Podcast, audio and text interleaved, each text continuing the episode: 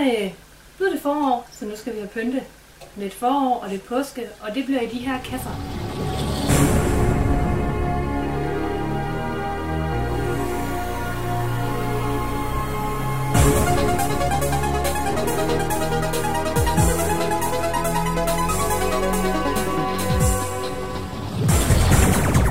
Hallo, hallo, god påske fra Lolbua. Vi er inne i episode 203. Rett fra påskefjellet kommer vi denne gangen. Med litt dårlig lyd, men sånn er det jo på påskefjellet. Her er det jo herjende diaré i hver eneste påskehytte, samtidig som radiomastene holder på å blåse over ende.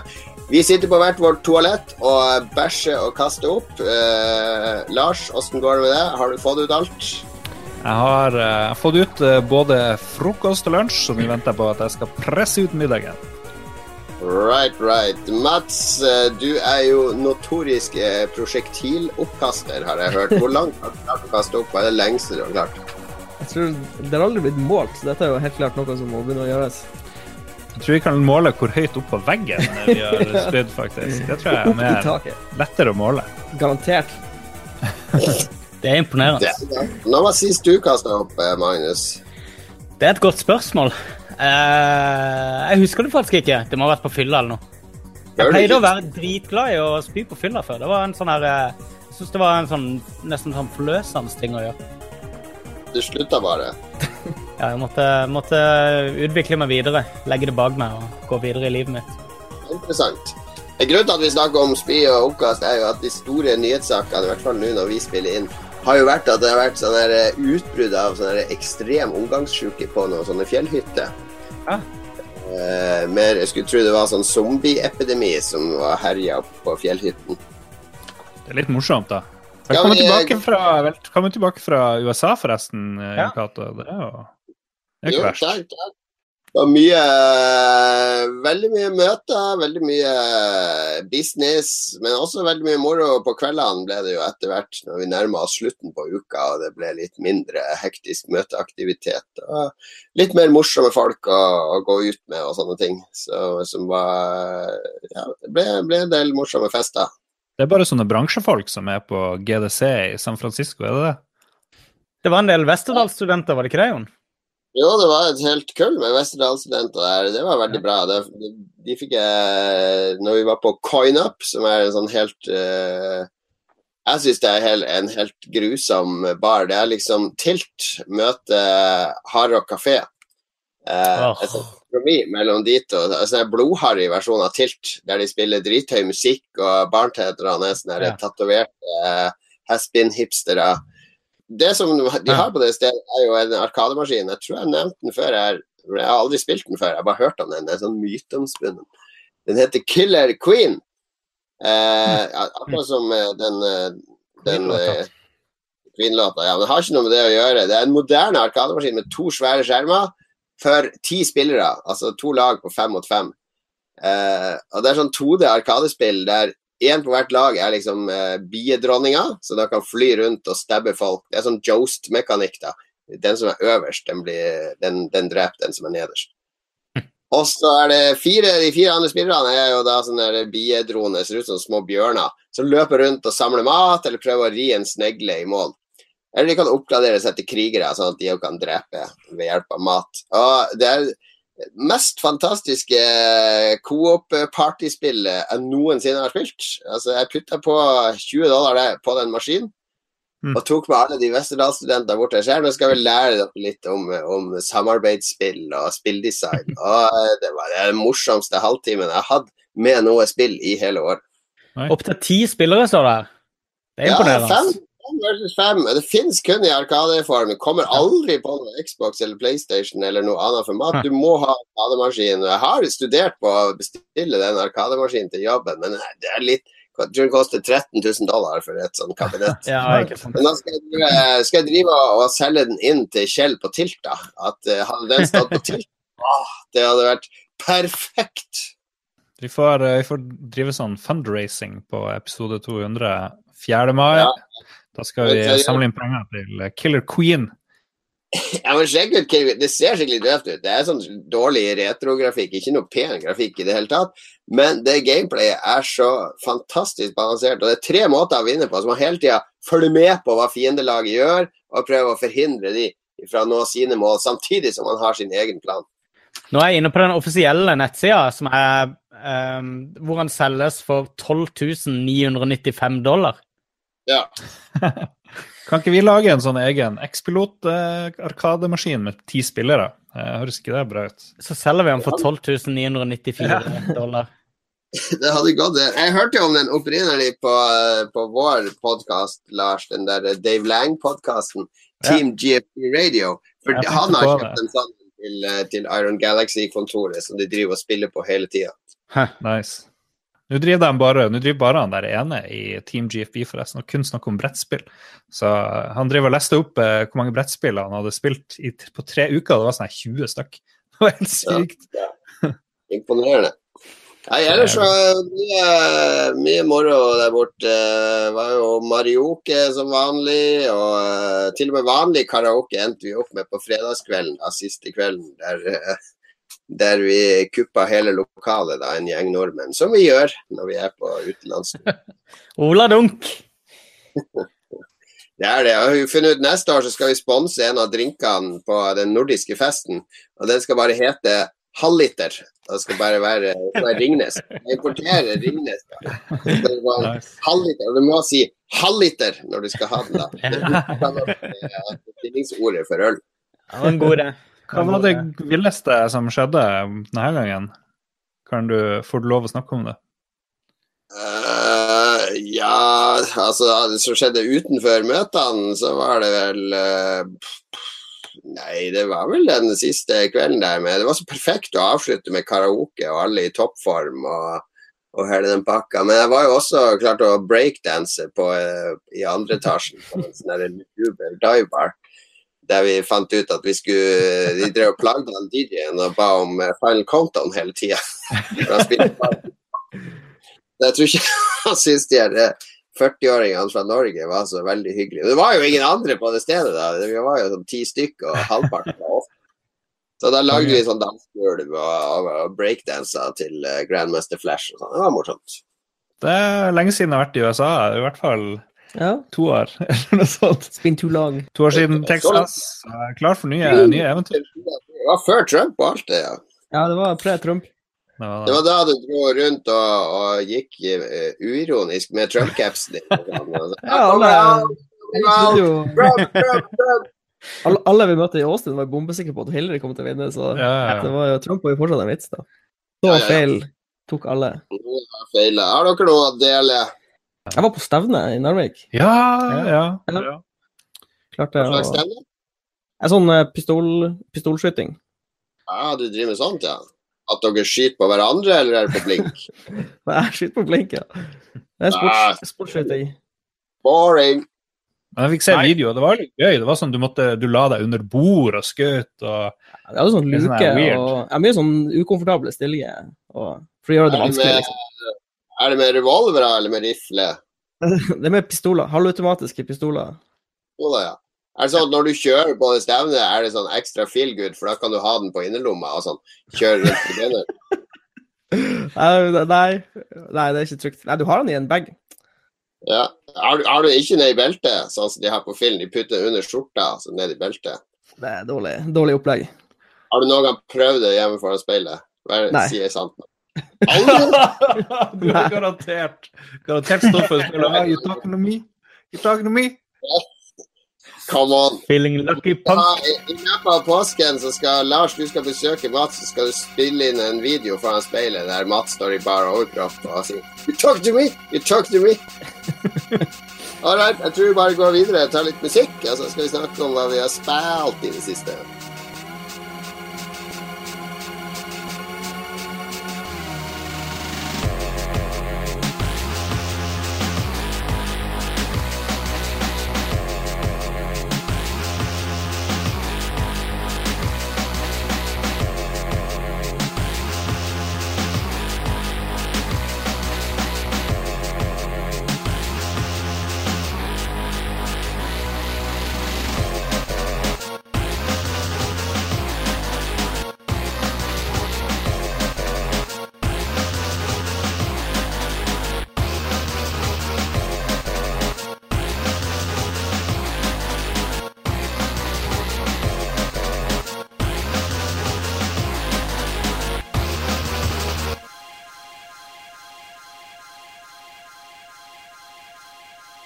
I'm drag your sorry carcass into your backyard and beat the hell out of you in front of your entire family.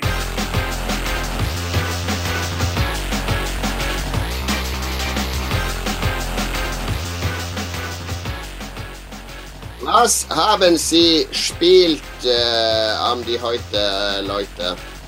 Jeg og Mats har uh, streama A Way Out. Ja. Ja, Og, det er sant. Bra streaming fra både Ja. dere og mange. Vi har, vi har streama sånn fem timer, kanskje litt mer. Jeg vet ikke. Fem- vi, trodde vi, fem- Fem-seks timer. vi trodde vi skulle runde det, men det vi har funnet ut er at når det kommer til sånne her, uh, fritidsaktiviteter i spillet, så må vi gjøre det minst sånn her et kvarter med å kaste blink, mini, minigames. hogge ved, uh, kaste på stikker eller sånn her Baseball. baseball og alt mulig drit. Spille banjo. Spille banjo. Han, Magnus, var du som lagde klipp av oss spille banjo og piano? Jeg tror Magnus- Nei, det var ikke meg. Det var, det var han andre Magnus. Ah, ja, ok. Ja, Kjempemorsomt. Ja, det så veldig bra ut. Det var uansett et uh, morsomt spill. Yes. Undervurderte lengden, men uh, uh, går i bølger. Det er jo et spill hvor du må være toplayer. Du begynner i fengselet, vi Mm. blir kjent, og så skal vi hjelpe hverandre med å slippe hverandre ut. De som har spilt det her, Brothers, A Tale of Two Sons, vil jo kjenne igjen mye, bortsett fra at da spilte du sjøl, men nå så må du liksom hjelpe hverandre hele tida. og det, er noen oppgaver er ganske skitt, bare der for å ta tid, mens andre er veldig noen, gøy. eh. Noen sånne Coop-elementer i spillet er det er bare, bare for å ha Coop-elementer. For Coop, ja. Ja. Du må det sånn, for å liksom løfte noe bil, eh, sånn bølgeblikk av en vegg, liksom. Som Ja. åpenbart en person kunne gjort. Er det noen Rema eller menyelementer? eller bare Coop? Eh, det, handler, det er vel på slutten av 60-tallet, starten av 70-tallet, eh, ish. det, det er veldig pent. Veldig Ja, bra. men det er sykt fint, og du ser at han Josef Fares er en god Eller han er en sånn filmregissør, Mm. og så klarer han mye bedre enn noe annet spill med split screen å kombinere de to skjermene, og av og til tre skjermer når det er du og din kompis og en tredje fiende som prøver å komme liksom var, til dere. men det var en ting han feila på, Aha. for det er en biljakt Ja. På et tidspunkt i spillet. Ja, men Og det, det er fullstendig galskap. men, Kan ikke noen bare lage en vanlig, sånn normal, semirealistisk biljakt? Please? ja, men, Ikke, ikke horder av politibiler som bare kommer flygende og rammer deg og dytter deg. Og, ja, det var fem stjerner i GTA plutselig. ja, det var, det var, mer, det var seks stjerner. Det var rett Det før helikopter. Jo, men det, ble, det blir så banalt. skal ikke emulere virkeligheten. Nei, men du går an å lage det spennende Ja. actionfylt uten at det kommer syv politibiler i lysets hastighet, treffer deg og remmer deg og dytter deg bortover langs veien, liksom. Det er, jeg syns det er veldig få spill som klarer å få det til. Ja. Men nå sa har du plutselig at vi er på sykehuset. Skal ikke si hvorfor og spoile, men begge de to hovedpersonene er, er på et sykehus, og så må vi stikke av. Og så er vi i ulike etasjer, og så driver spillet og veksler med kameravinkler, og han ene er ute, han ene er inne, og alt er i real time, og det ser sykt bra ut. Og plutselig går jeg inn i en korridor, skal gå fra venstre mot høyre, og da er det plutselig sånn Street Fighter-aktig eh, sekvens, bare at det er akkurat som henta fra eh, Oldboy, Ja. når du går gjennom Ah, korridoren og bare begynner å mose ned folk. Ja, ja, sykehuset- Sykehusgreia var kul. Vel- ganske ujevnt spill, men på sitt beste så er det veldig veldig gøy. Så hvis du har noen å spille med, og du har en jeg vet ikke hva det blir, da, en åtte-ni timer, Ja. eh, hvis du nå bruker tid, så, så er det der vel verdt det. Det koster under 300 kroner, det der. Det Eh, koster, jeg tror det var 225 kroner på Ja, PlayStation. eller, prisen, er, Xbox. prisen er bra. Er Men er det sånn at begge må kjøpe spillet for å kunne spille co-op hvis de spiller over nett? det, ja. det, kan, det, kan jeg ikke, det kan jeg ikke si. Nei, det er ikke den andre laster bare ned eh, sånn trial-versjon, og så Ja. kan vi spille. Da Virkelig? Den trenger å eie det. Ja, det er bra. Det er jo Det er en veldig bra deal, ja. Ja, det er veldig. Det er- Det er mange som har kritisert det for ditten og datten og det tekniske og sånne ting, men Ja. for meg jeg spilte, men for meg så høres det ut som at det liksom laga litt fra hjertet, og at hvis du lar det trumfe over de svakhetene, så Ja. får du en uforglemmelig opplevelse. Mm. Ja, det, er mye, det er mye som minner om han David Cage og de her eh, spillene Ja. hans, men det her er, det, det funker mye bedre. og det, er- det er mye raskere og mer smooth og Altså, mye bedre du til- vinkler og klipping, kan du si. Ja, og du, og du, kommer til å, du kommer til å huske ting som skjer i spillet om noen år, liksom. Så kan vi sannsynligvis si Mm. hovedpunktene av det som skjedde i spillet. Og det er jo bare i det seg sjøl er jo bra. ting. Ikke sant? Vi har vel eksportert sånn fem-seks timer av det vi har spilt hittil på, til YouTube, så det er bare å gå dit, så kan dere se. Sjekk ut Lolbua på YouTube. Han trenger flere likes på YouTube òg, så gi oss sånn over Ja. 1000, så vi kan bli med i YouTube Norge og bli hengt ut som pedofile av en eller annen idiot. gi oss noen likes på, på YouTube. Eh, Magnus, du har også vært i streame, streamebåten. Jeg streamer nå på fredag, eh, sammen med tre stykker fra, fra Antorasje. Det var Ståle, Rikard og Henning fra, fra Lolbua Entourage som uh, joina opp, som mønstra på sammen med meg. Og uh, viste meg litt rundt i uh, Sea of Thieves, piratspillet fra Rare. Hvordan var de? Var de eh, skikkelig sjøulka, eller var det noen landkrabbe du tok om bord? Ståle var jo skikkelig dreven, da, og helt klart den roligste av oss hele veien. Selv om han, eh, han eh, var litt hissig til tider når ting ikke gikk akkurat som han så det for seg. Um. som, er, som er flott, for det, er et sånt spill som Uh, Altså, det har fått veldig mye kritikk fordi det er så lite innhold i det, da. Men det er en ypperlig sånn her eh, plattform for uh, folk å finne på noe gøy i. Det er en veldig kul lekeplass, da. Selv om det belager veldig på at moro er Eller det er ikke gøyere enn hva du gjør det til sjøl. Tingen var at eh, Du kommer veldig raskt inn i en sånn her eh, gruppedynamikk der en skal liksom En må finne ut hvem som skal bestemme hva, hvem som har hvilke ansvarsområder om bord på skipet. Så én tar seg av å sørge for at seilene er nede, at det, og at seilene er vinkla riktig i forhold til vindretninga. En er styrmann. Han kan jo ikke da se hvor han styrer pga. seilene er i veien. Så da må du ha en navigatør som er nede og følger med på eh, kartet. Og så må du gjerne ha en utkikksmann som følger med på om, eh, om det skjer og sånne ting som ikke er på de store kartene. Så det, blir eh, En kommer inn i en sånn der eh, flyd etter hvert hvor en samarbeider veldig kult. og begynner å bli ganske sur når ikke du får de tilbakemeldingene du trenger for å gjøre din jobb. Eh, så utrolig gøy og veldig prøvende på ethvert vennskapsforhold. Si det høres- ganske kjedelig ut å være han der som bare skal stille inn seilet. Det må være nederst. Det høres kjedelig ut, men det er ikke det. De, de har klart å gjøre hver eneste arbeidsoppgave utrolig sånn eh, Altså, Du går jo og pusler hele tida. Du merker at ok, vi har skifta litt retning. Så må du gå bort til de tre forskjellige seilene som er der, så må du justere litt. og sånn. Så når du kjenner det der, når du virkelig får det blaffet da, når seilet, når vinden tar da, Det er en veldig sånn rewarding følelse. Vanskelig å forklare, men Ja. alle arbeidsoppgavene føles virkelig tilfredsstillende å drive med. da. Og du, folk tar oppgavene seriøst også når, når en kommer inn i det. Så Er det du som er på seilet, Magnus? Prøver du bare å forsvare jeg har vært eh, mye på seilene også, for det, at det, det er et bra sted å begynne. Seilgutt på Christian Radich. Men, men hva er det du skal gjøre? Fordi sønnen min har spilt med kompiser. Han sier at ja, det er samle bananer, fange noen dyr, og basically that's it.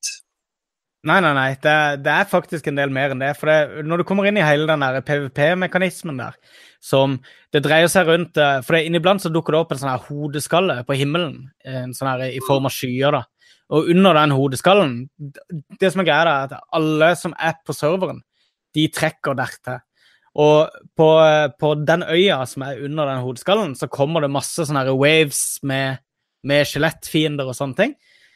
Som en da må, må eh, fighte vekk, og til slutt kommer det en boss som dropper en nøkkel inn til et hvelv.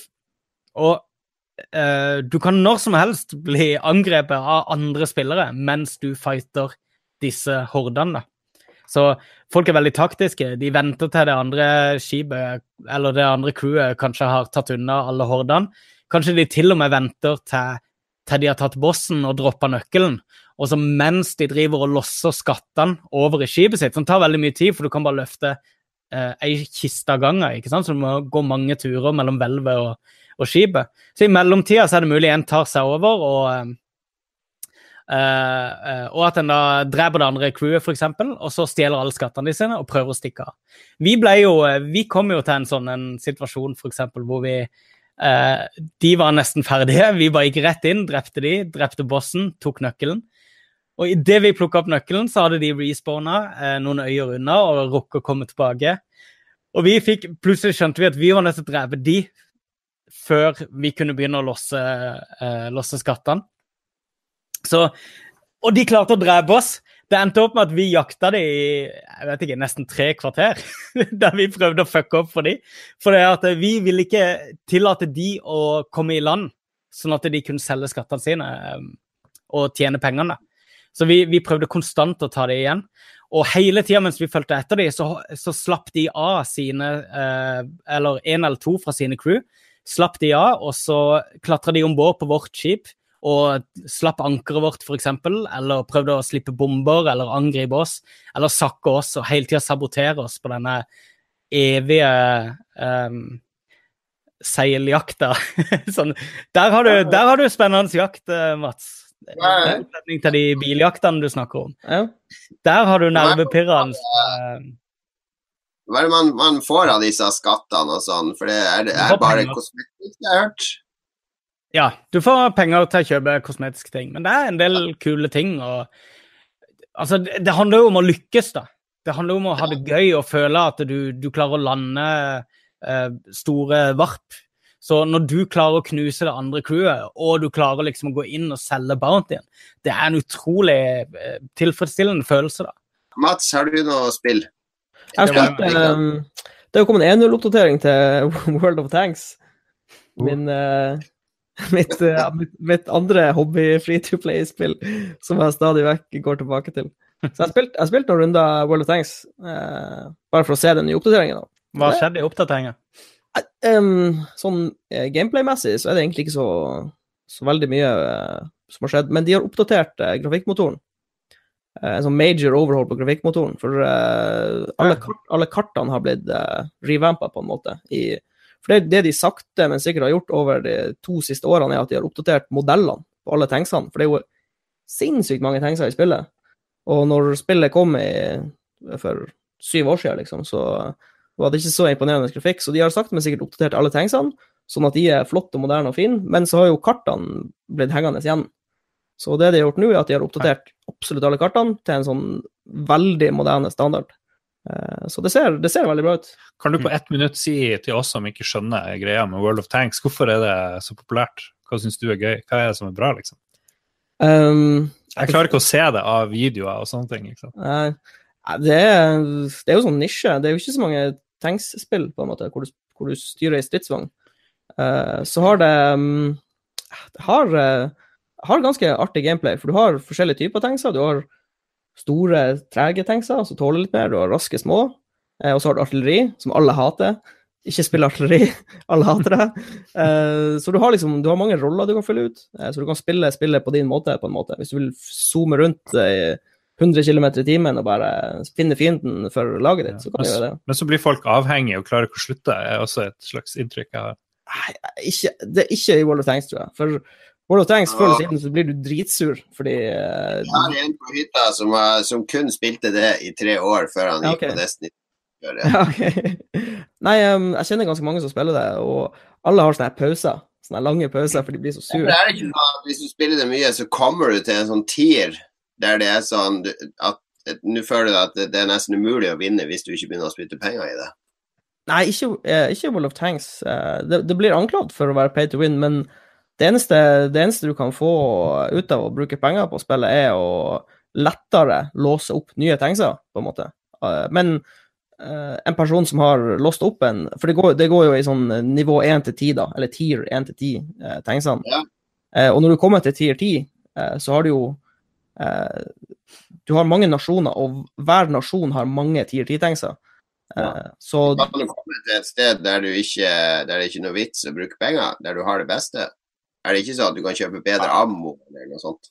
Nei, altså du har, du har forskjellige typer ammo. Eh, den, den ene ammo- ammoen er dyrere enn den andre, men alt bruker in game credits, på en måte. Så eh, før, før, kanskje i betaen, så brukte du gull på sånn her Ja. superammunisjon, men det, det styrte de fort bort fra. Så ja. Men det er jo Altså, du kan jo bruke absurd mye tid på det. Hvis du skal, hvis du skal låse opp alle tanksene til alle nasjonene, så tør jeg ikke tenke på hvor mange timer det tar. Det, det er jo det som, det er jo der de tar det, på en måte. Jeg skal bare låse opp neste Ja, øde øy resten av livet, Mats, fikk ta med deg ett av disse to spillene. Ville du valgt World of Tanks eller World of Warcraft? World of Warcraft kan du i teorien eh, spille offline, hvis du får til eh, en sånn AI-funksjonalitet på mobs og sånn. Men, Jeg syns du lurer deg unna spørsmålet her. ja. Nei, men sånn, eh, OK, ok, jeg ville tatt, jeg ville tatt uh, World, of- Warcraft. Eh, hva sa du, Jon Cato? Nå Jon du- lurer du Du veldig mye. her. heller på den øya, så du er stuck uh, uten spill, Mats. Hva gjør du? Du ser et fjell et stykke unna, og du hører en skummel lyd fra jungelen. Hva gjør du? Jeg tror du er Jeg bare Jeg det ble plutselig Dungeons and Dragons her. Jeg, la, jeg, lager et, eh, jeg lager et makeshift spyd av ei grein. Ok, jeg ser på terningen at du feila. Jeg, jeg bruker greina som en quarterstaff i stedet som et spyd. Ja, du faller på greina og spidder deg sjøl og dør. Eh, jeg har spilt uh, PlayerUnknown's Battleground på mobil i det siste. Oh. Jeg vet ikke om dere har snakket om det i forrige sending. Nei. Det er jo ute i Vesten, og, og det må jeg si, det funka. Jeg har bare spilt én kamp, og der fikk jeg chicken dinner. Eh, eh, du, du vet at du spilte mot bots i din første, ditt første game? Jeg vet det, det er sånn lokkegreier. Men jeg ble jo sånn skikkelig glad helt til jeg skjønte det, da. Ja. Men ja, ja, spill, motspillerne var jo så ræva, så jeg begynte å lure på om det spillet fungerte i det hele tatt. Så det er derfor jeg ikke har spilt det mer. Fordi jeg tenkte det er så enkelt, så det er jo ikke noe gøy. ja. Eh, så de feila med den tutorialen for meg, da. Men eh, det fungerte jo overraskende bra, må jeg si. Det er jo helt forferdelig å styre, da. Ja, jeg ser ikke for meg pub på mobil. Var det en god idé? Mm, Det er en kjempegod idé. for det, liksom? Er Millioner av spillere som spiller det i Kina på Hvis du kan tjene noen penger, så er det vel Ja, men var det, var det etterspurt, liksom? Jeg, jeg, jeg ser ikke jeg, ser, jeg, jeg ville aldri liksom ha ønska å spille Overwatch på mobilen min. Det, Du er ikke kineser heller. jeg er ikke kineser. Vi spiller litt musikk, og så skal vi ha ukas anbefalinger. Det blir krimanbefalinger i og med at det er påske.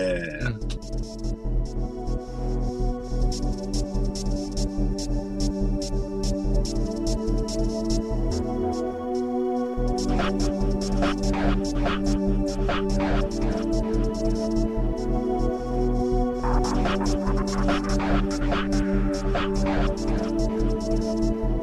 you.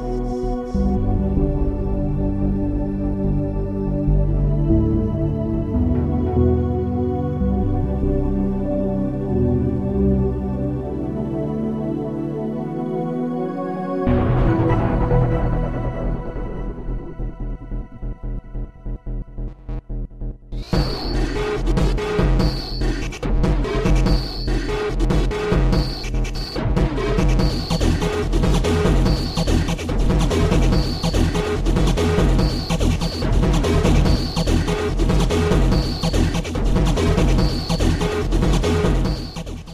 Ukas anbefaling! Av en eller annen grunn, jeg tror vi er det eneste landet i verden, så skal vi liksom uh, boltre oss i mord og, og drap og mordmysterier når det er påske. De gjør ikke det i Sverige, gjør de det?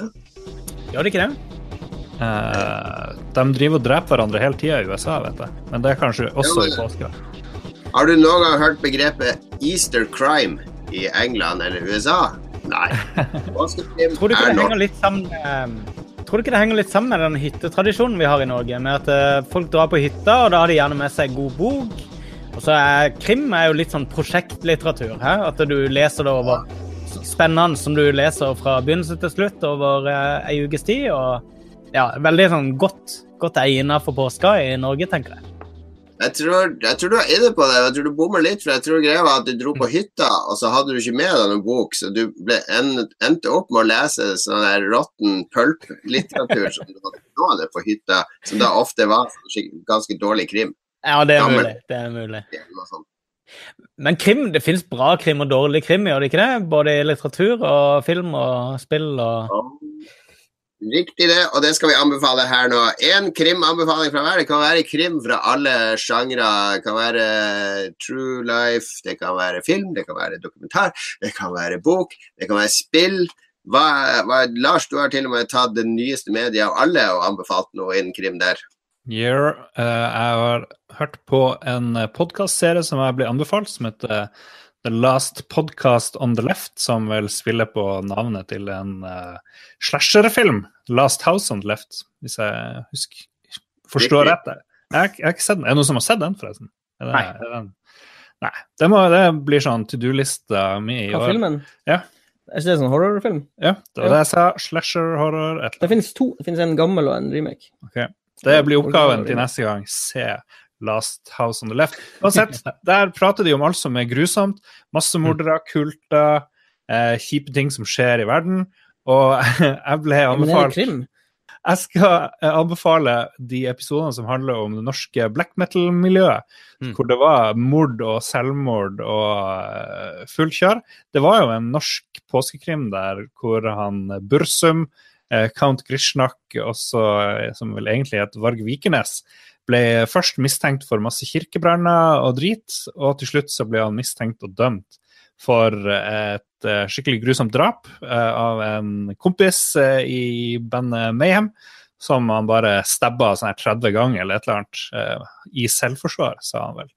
Mm. Men liksom veien frem til det her, som, som handler like mye om historien til black metal i Norge, er superfascinerende. Hvordan de her en hel gjeng med skikkelig barnslige dusjfolk i stor grad klarte liksom å, å lage ganske kul musikk. Eh, lage et sånn her verdens mest interessante nesten subkultur, og samtidig begynne å brenne kirke og drepe hverandre. Og lage en sånn stil som jo lever og holder, holder seg godt i, i dag eh, fremdeles. Det er klovne, dødsklovne, sminkegreier som jo Og de her syke platecoverne og alt det der.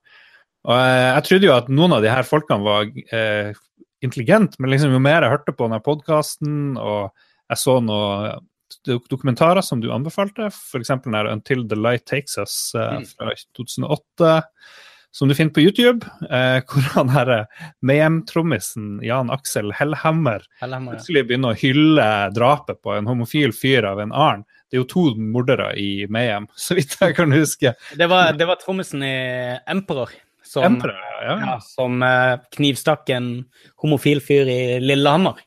Han eh, knivstakk eh, Magne Andreassen i 92. Uh, og han her eh, Jan Aksel Hellehammer han sier i denne eh, dokumentaren, ganske sjokkerende When I was told that Faust actually killed this fucking faggot back in Lillehammer, I was quite surprised. Because I mean, I didn't think he had the guts to do such a thing. But I mean, I really honor him for that. og det var sånn Da er du så barnslig og dum at eh, jeg vet ikke, jeg mister veldig mye respekt for uh, Hellhammer har vel også sagt at uh, heavy metal is for white people, hvis ikke jeg tar feil. Han er, ja, han er kjent for uh, flotte utsagn. Men det er mye interessante karakterer, masse kjipe skjebner. Eh, bare han her eh, eh, Dead. Varg Veum, for eksempel. Ja, en Dead, som tok livet sitt, og som bandet tok bilder og brukte på et av de her platecoverne. For eksempel er jo en lang historie. Varg Veum som Eh, Vikernes, ikke Varg Veum. Varg Vikernes Varg Veum. Varg Vikernes driver og eh, omtaler seg selv som Count Grishnak, som er en sånn her eh, kar Kari Ringenes herre. Ringenes herre og så videre. Ja, Bursum er jo en Ringenes herre-referanse. Han mener at alvene er jøder, f.eks., så de liker han ikke, så han eh, kalte seg opp etter en, eh, Ork. en ork, en urkai, og så videre. Bursum står vel inni ringen eller noe sånt, gjør det ikke det? Brussum Bursum er vel bare the black tongue, som er språket til uh, hans ja, men jeg, innbiller meg at eh, det er i hvert fall hamra inn i en av de der ringene. Jeg tror det betyr mørke. Jeg tror det Ja, betyr det- mørke. Ja, det er mørke på et eller annet sånn her dark elvish. Det, det, det er veldig mye rart. Du kan mye mer enn meg om det her, Magnus. Men jeg har hatt en interessant uke. med hvor jeg Ja, liksom så gøy. Hvor mange episoder er det, da? Det er tre episoder av den Mm. Last Podcast On Left, og der refererer de til en del uh, filmer og jeg vet ikke. Kanskje hvis jeg husker det, så får vi legge det i the show notes. Uh, tips, Ja, de har vel tips en, og de har sånn Jonestown-greie òg, som er tre episoder. Veldig mye episoder. De er ganske hva det heter, rølpete og litt sånn her eh, Kan være litt off-putting først, men eh, når du først kommer i det her eh, Last podcast, Podcast er litt sånn du- så dude bros. Veldig dude bros til tider. Det er det. Det er jo en fin, lett måte å, å dykke ned i svartmetall, for å høre litt musikkutdrag osv. Jeg hørte første episode. Jeg er enig i at det er veldig påskevennlig. Det, har, det har alt. Det er intriger og drap og paranoia og makt, uh, maktbegjær og Ja, nei, det har alt, denne historien. Er det, er det ikke sånn at hvis man driver med ekstremmetall, altså den mest ekstreme formen for musikk noen gang, da må man jo få lov å være litt ekstrem og drepe hverandre. Og... Det, er, den som sånn da. Bør den her metoo-bevegelsen bør den aktiveres i black metal-miljøet også, liksom? Skal de være følsomme og Jeg, vet ikke, de, de bare fremstår De skal være så onde, de ondeste av de onde, så Men det er liksom Er det- ikke én front, og, og det er litt viktig å huske på, da. Altså, I Oslo så var det mest en sånn musikalsk eh, revolusjon. Det var, det, var, det var veldig Ja. fokus på musikken. Det var ingen sånn liv og lære i Oslo. I, i Bergen så var det det. Og eh, Ja, i Kristiansand var det veldig det.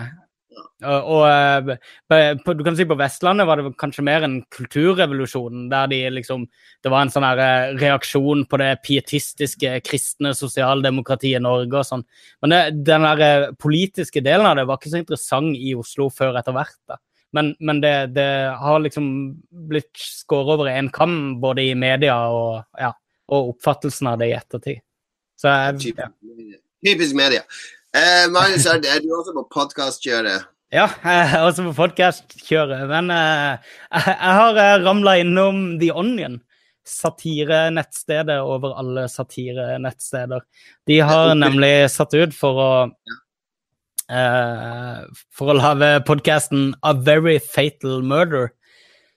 Som er befriende kort. Det er noen få episoder på sånn her 10-12 minutter hver. Jeg tror det er en sånn drøy, halv, nei, drøy time, hele, hele storyen.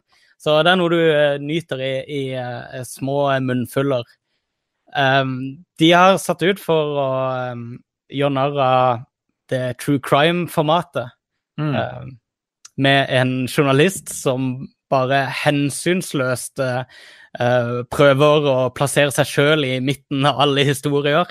Som har et uh, utrolig nedsettende syn på eh, rural America og uh, um, og bare plukker, eh, plukker liksom eh, mistenkte og bestemmer seg for hvem som har gjort det, eh, helt etter magefølelsen etter hva som er mest sånn tabloid interessant. Det er dritvittig. Det avsluttes alltid med en gjeng med, med falske reklamer for uh, forskjellige ting, som uh, i seg sjøl er verdt eh, den uh, tida du investerer i det. Bra. Det anbefaler jeg. Very fatal murder, altså. Very fatal murder, ja. Eh, Mats uh, Crime. Jeg har begynt å se eh, The Looming Tower, som vi har snakket om. OK. Hadde vi ikke vi nevnt den? Mm. Jeg vet ikke. Vi har kanskje ikke gjort det. Uh, Det er en ny TV-serie på Amazon Prime Video eh, som han- handler om årene før 11. september. Om Ja. FBI og CIA og Al Qaida. Eh, for de, de hadde jo en viss anelse om at det kom til å skje noe, eh, og de prøvde jo å finne ut hva som kom til å skje, eh, men de var ikke så flinke å samarbeide. Så den TV-serien tar for seg mangelen av samarbeid mellom eh, CIA og FBI. da. Eh, starter i 1998. Så de som er veldig godt kjent med historie, vet at det ble bomba en ambassade i 98, så det er bare noen måneder før det så starter, starter TV-serien. Så de tre første episodene Ja. ja. virker veldig bra. Han Jeff Daniels spiller FBI-sjefen i New York Han uh... fra Newsroom. Newsroom og Dumme dummere. ja. Jeg liker, jeg liker at han har tatt steg inn i veldig seriøse roller. Jeg syns han funker dritbra som en seriøs skuespiller. Han, eh, ja, han gjør det. Og Ja. det, det er litt kult, fordi dette er jo De spiller jo mange altså, personer som faktisk har eksistert. Det er jo Mm. altså, alltid jo basert på eh, reelle hendelser. Noe er s- selvfølgelig blitt forandra på, og pynta litt opp. Men eh, han er veldig flawed, for å si det sånn. Han har eh, issues, eh, så det er veldig kult å se litt fargerike karakterer. Um, altså Sånne dramatiseringer av historiske ting som har skjedd i ganske nyere tid, det har en tendens til å uh, ha en litt sånn billig fil over seg, vet du hva jeg mener? At, eh, at du føler det, dette hadde vært bedre som en dokumentar. Og sånn, ja. Ja. Åssen har de liksom Har du noen eksempler på noe som feiler på Ja, jeg syns jo Men jeg lurer på om det var.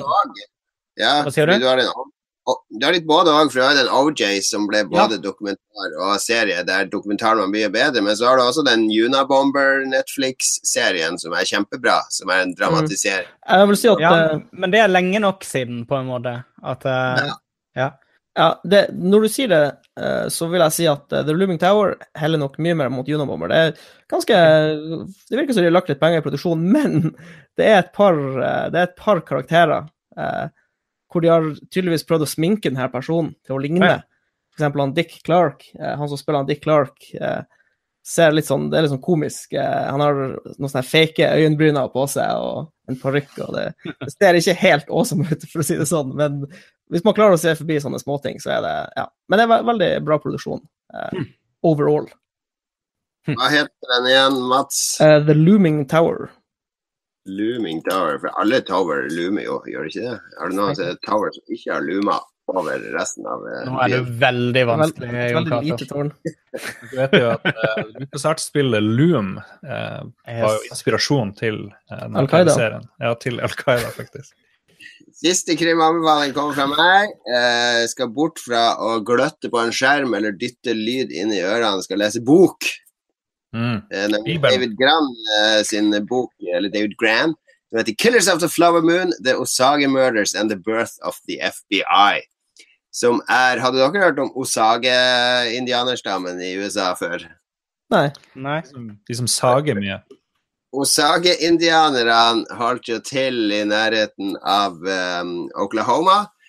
Og når den hvite mannen ikke sant, kom og inntok USA, så ble det jo sånn at de tok mye land fra disse uh, indianerne. Men de erkjente også at disse urinnvånerne hadde rettigheter, og de drev og ga land tilbake til de, og mye sånne eh, forhandlinger og ting og tang. Det som skjedde med Osage-stammen, var at de mista alt landet sitt, og så ble de tildelt et sånt nytt land som liksom var den verste delen av Oklahoma. Ja. Sånn steinete, eh, bedritent område der de bygde en sånn liten handelslandsby. Det var gjørmete og vanskelig å dyrke mark og alt sånn. Men så oppdaga de jo på starten av 1900-tallet at det var de største oljeforekomstene i USA var jo i det området. Nice. Som resulterte i at disse Osage-indianerne begynte å lease ut eh, mål på området til de som ville hente opp oljen. Og dermed ble Osage-stammene de ble de rikeste i USA, disse indianerne. Så det her var på 19, starten av 1920-tallet. Altså det var, det var sånn oljefeber at folk betalte hundre, ikke 100 000, men det var, jo, det var hundretusener av dollar for å lease og få lov til å hente opp olje i ett år fra, fra landområdet, som de her eh, noen tusen Osage-indianere eide. Ja. Så de, de ble kjemperike, bodde i svære herregårder, hadde fire-fem biler hver og hvite tjenere, ikke sant? hvite Ops. disse indianerne. Det er en helt, jeg kjente ikke den historien i det hele tatt. Men så det, begynte de å dø, da. Eh, giftmord. Jeg tror Mm. over 60 av disse Osage-indianerne, disse rikingene, ble drept før eh, saken ble løst. Og hele denne etterforskningen, boka handler om alle disse drapene, og om hvordan eh, etterforskere var masse privatdetektiver for sheriffene og sånn, de klarte ikke å løse det her. Og, og, og det førte til at det som ble forløperen til FBI, ble da oppretta pga. denne saken. Det var russerne, var det ikke det? Og Putin. Nei, jeg, jeg har ikke lest ferdig boka, det er den jeg holder på med nå. Jeg er midt i den boka nå, da. men den er veldig fascinerende, fordi alt er jo sant. Og det er masse bilder av disse folkene som ble drept, og som ble etterforska, og de forskjellige detektivene. Eh, finnes på Kindle med bilder òg, så de Osage, eller 'Killers of the Flower Moon' fra David Grann veldig bra eh, true crime, som har, eh, for deg som er interessert i eh, litt sånn obskur amerikansk historie. Veldig artig historie, veldig lærerik. Vi har spurt eh, lytterne om eh, hva de anbefaler påskeaktiviteter. Skal vi bare innlemme dem i vår anbefalingsspalte, for det hører jo helt sammen. Do it. Do it! Trond Sinfor Borgersen eh, er den første. Akkurat som Jesus er han den første, og han tar nemlig opp eh, Jesus. Eh, Hvorfor er akkurat påsketiden for krim? Det har vi vært innom. Er det kanskje for å glemme alt de kristne greiene det egentlig handler om? Eller er Jesus et skalkeskjul for at denne uka kun handler om krim? Hmm, Det er jo for å finne ut hvem som drepte Jesus. Nei, nå blir det veldig blasfemisk her. Jeg tror, jeg tror det der Jesus var oppstanden, er bare en sånn elaborate uh, ruse for at morderen skulle liksom slippe unna. Fordi hvis ikke mannen er drept, så er det jo ikke noe mord. Så bare Nei, bare fordi jeg fjerna liket. Uh, Eh, han, han gikk bort derfra i live, husker jeg, i går. Han er i Han er live. Han er Jesus. Han kan stå opp. Han er sist sett sammen med påskeharen. Jeg har funnet svaret på mysteriet nå. OK? Året var nemlig 1923, og de unge bergensforfatterne Nordahl Grieg og Nils Lie hadde dårlig råd. De bestemte seg for å skrive en kriminalroman for å dra inn litt penger. Under pseudonymet Jonathan Jerv forfatta de hvert sitt kapittel og fikk boka utgitt. Palmelørdag kjørte Gyldendal en større reklamekampanje med bokens tittel 'Bergenstoget plyndret i natt' i store bokstaver. Stuntet var så vellykka at mange ikke skjønte at det var tittelen på en roman. De trodde at toget var blitt rana. Dette var opptakten til tradisjonen med påskekrim i Norge. Etter denne utgivelsen ble det veldig vanlig å lansere kriminalbøker til påsken. Da, da vet vi det. Ja, norsk, erkenorsk tradisjon. Thank you. En erkenorsk tradisjon. Um, Hans GM sier at uh, Thimbleweed Park fra Ron Gilbert ikke kan anbefales nok.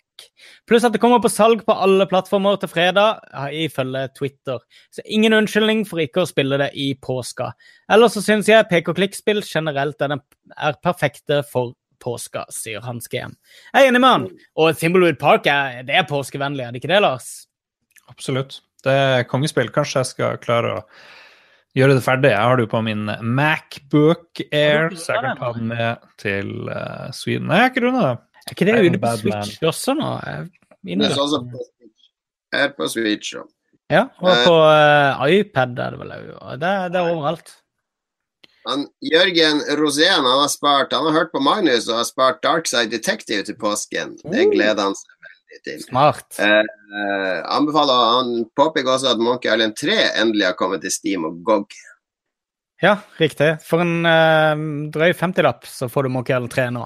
Eh, Curse of Monkey Island, som uh, Noobson syns er det beste Monkey Island. Så hvis du føler deg som en noob, så uh, syns du det.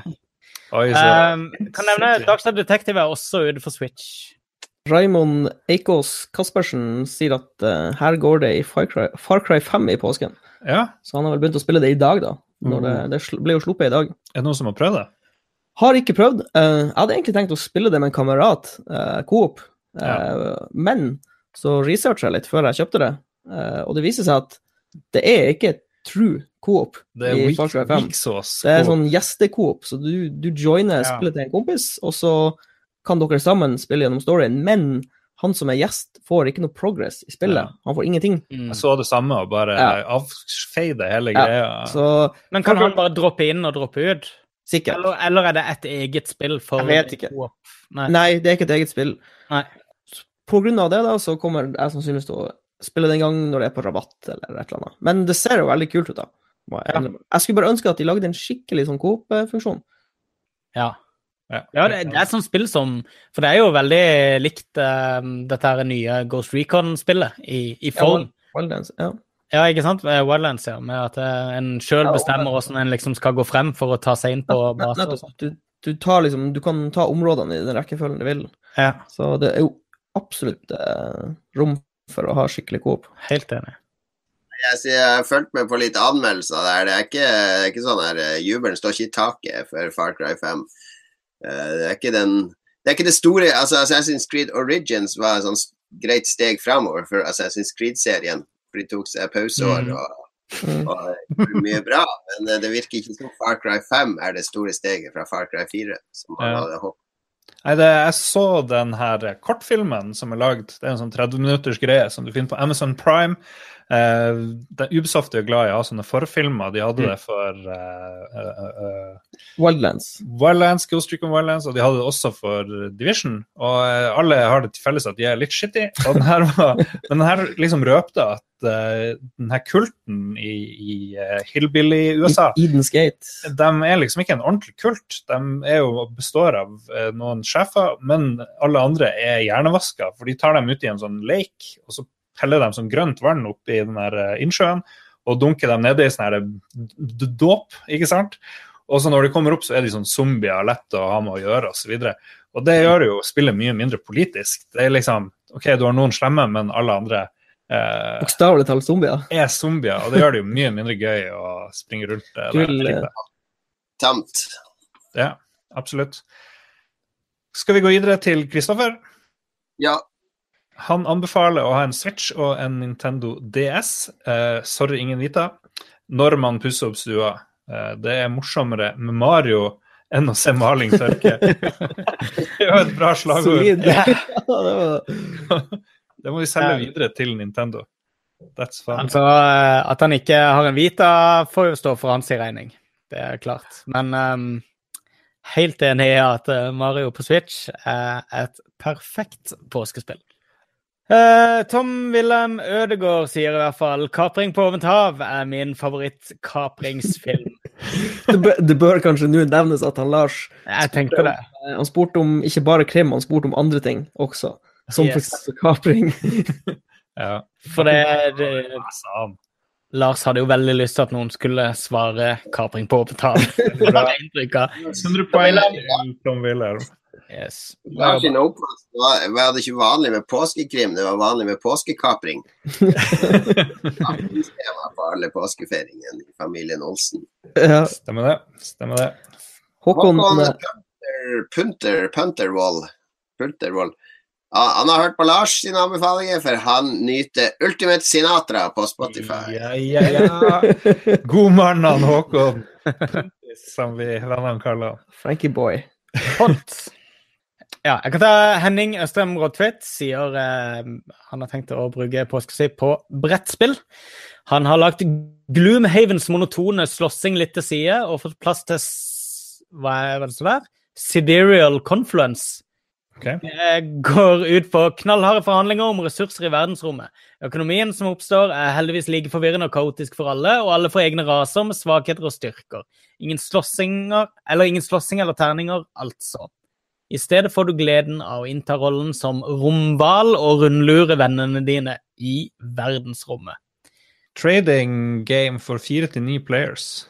Ja. Har du testa dette, Jon? Det, det ser definitivt ut som noe som må tas med på uh, årets hyttetur, så det er et veldig bra tips her fra Henning Østrem Rottvidt. Var det flere nå? Er vi ferdig?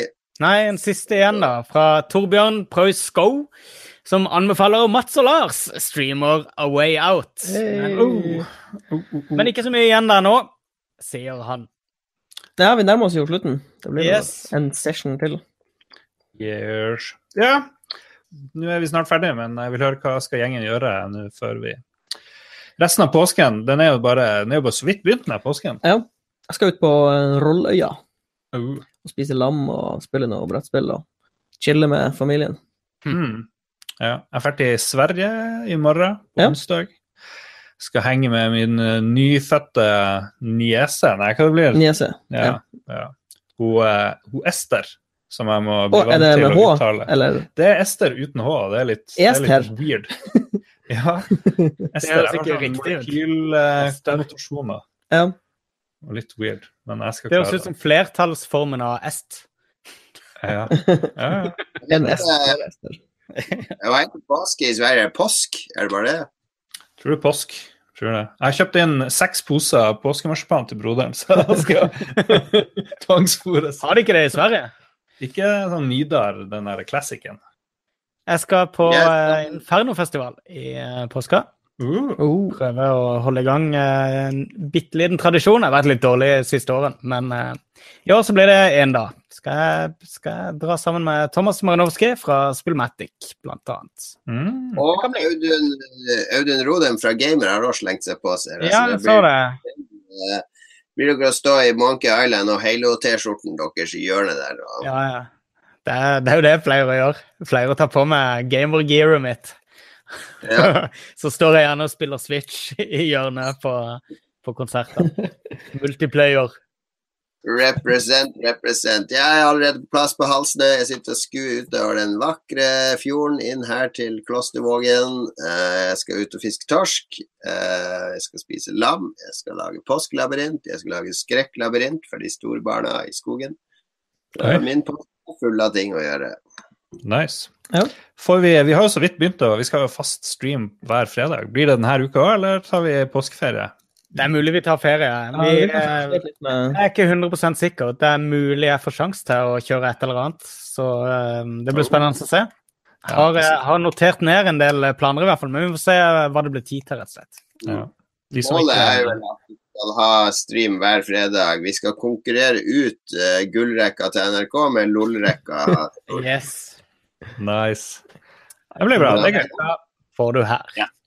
Og det, da må dere gå inn og like, eh, like Twitch-kanalen vår. Vi trenger followers der. Absolutt. Nå sier jeg god påske til alle, for nå skal jeg ned og spise eh, appelsinmarinert kylling. Sweet. God påske til våre lyttere. Vi er på Facebook Lolbua og Twitter Lolbua og så videre. Og så er vi på Twitch og YouTube, så gå nå inn og lik oss der. Lik, lik, lik, lik, lik. Lik oss, lik, lik, lik, lik, lik, lik oss, lik oss, lik. Lik og del oss. Lik. God Ja. påske. God påske. Eller God påske. eller som de sier i Israel, god pesach. Det er som Trump sier. Where's my fucking coke, bitch?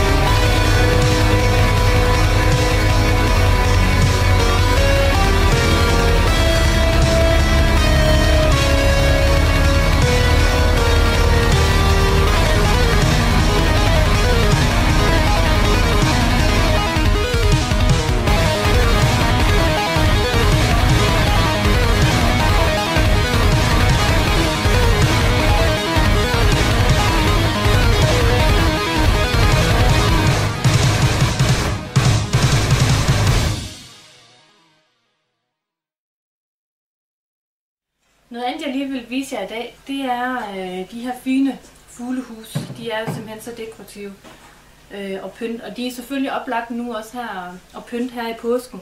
Med lidt påsketing og lidt. Men igen, brug dem året rundt. Altså sæt dem ud med lidt øh, krydderurter herinde i på terrassen. Eller lidt blomster, der er lidt hængeblomster, lidt panagonia eller et eller andet, der kommer lidt ud. Det er ud igennem trammeren. Det er simpelthen også så sødt. Men nu er det påsken, så nu, øh, nu pynter vi det lige lidt op. Jeg har altså ikke så meget plads her på mit bitte bord, så jeg, plan, eller jeg pynter den lige lidt fra siden, og så vender jeg den lige om til jer. Så kan I lige få nogle gode nærbilleder af den til sidst her. Men øh, jeg vil egentlig starte med Madonnaen selvfølgelig. Hun skal der ind i at stå her. Den fylder lige af. Der må godt komme noget højde på i det dur her. Det er jo, det har jo en god størrelse. Sådan. Og igen, lidt hø ind i sammen med her.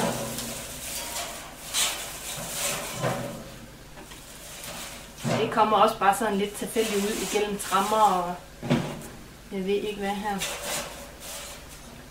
Og så, øh, det søde vibeæg selvfølgelig. De er så dekorative. Så vil vi få dem ind her sammen med.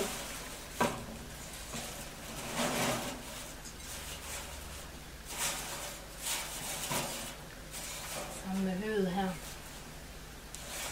Den her, den vil være, fuglehuset her vil være så fint på et, øh, på sådan et bitte konsolbord, eller ja, hvis du har et, et stort spisebord, som du ikke bruger halvdelen af, hvis man kan sige sådan, kun bruger det store, når der er gæster, jamen så lav en dekoration i den ene ende af spisebordet med et, øh, med sådan et, et fuglebur her, og måske et par lysestager, der står ved siden af.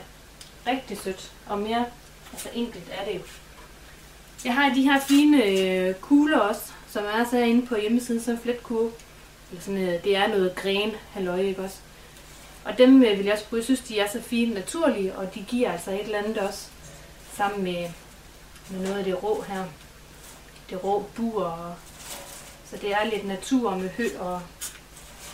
Men jeg ellers bare fylde det op. Der ligger lige sådan en bitte, en bitte klump forårsløg. Det ligger jeg bare ind hernede. Og så lige lidt æg.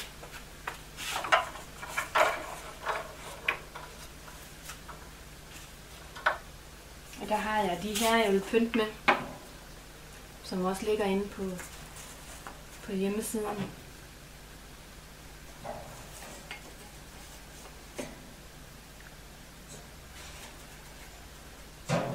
Sådan der. Lige, jeg vil have lidt mere kød, som lige her om bagved. Madonnaen her.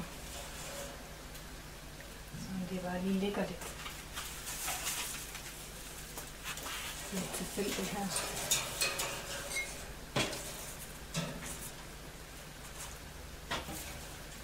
Det gør ikke noget, det kommer sådan lidt op, det hø her. Så, og så har jeg lige til sidst lige sådan et par fjer, som jeg lige vil lægge lidt herinde.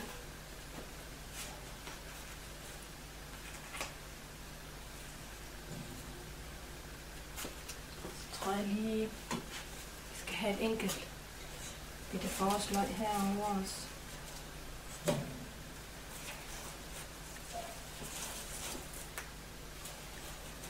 Sådan der. Så tror jeg faktisk ikke, jeg vil have ret meget mere ind i, end det her. Man kan også sagtens sætte en bitte lysestage derind. Det vil jo også være rigtig fint. Men øh, sådan her bliver buret pynte Har du et enkeltpersonforetak eller en liten bedrift? Da er du sikkert lei av å høre meg snakke om hvor enkelt det er med kvitteringer og bilag i fiken, så vi gir oss her, vi. Fordi vi liker enkelt. Fiken superenkelt regnskap.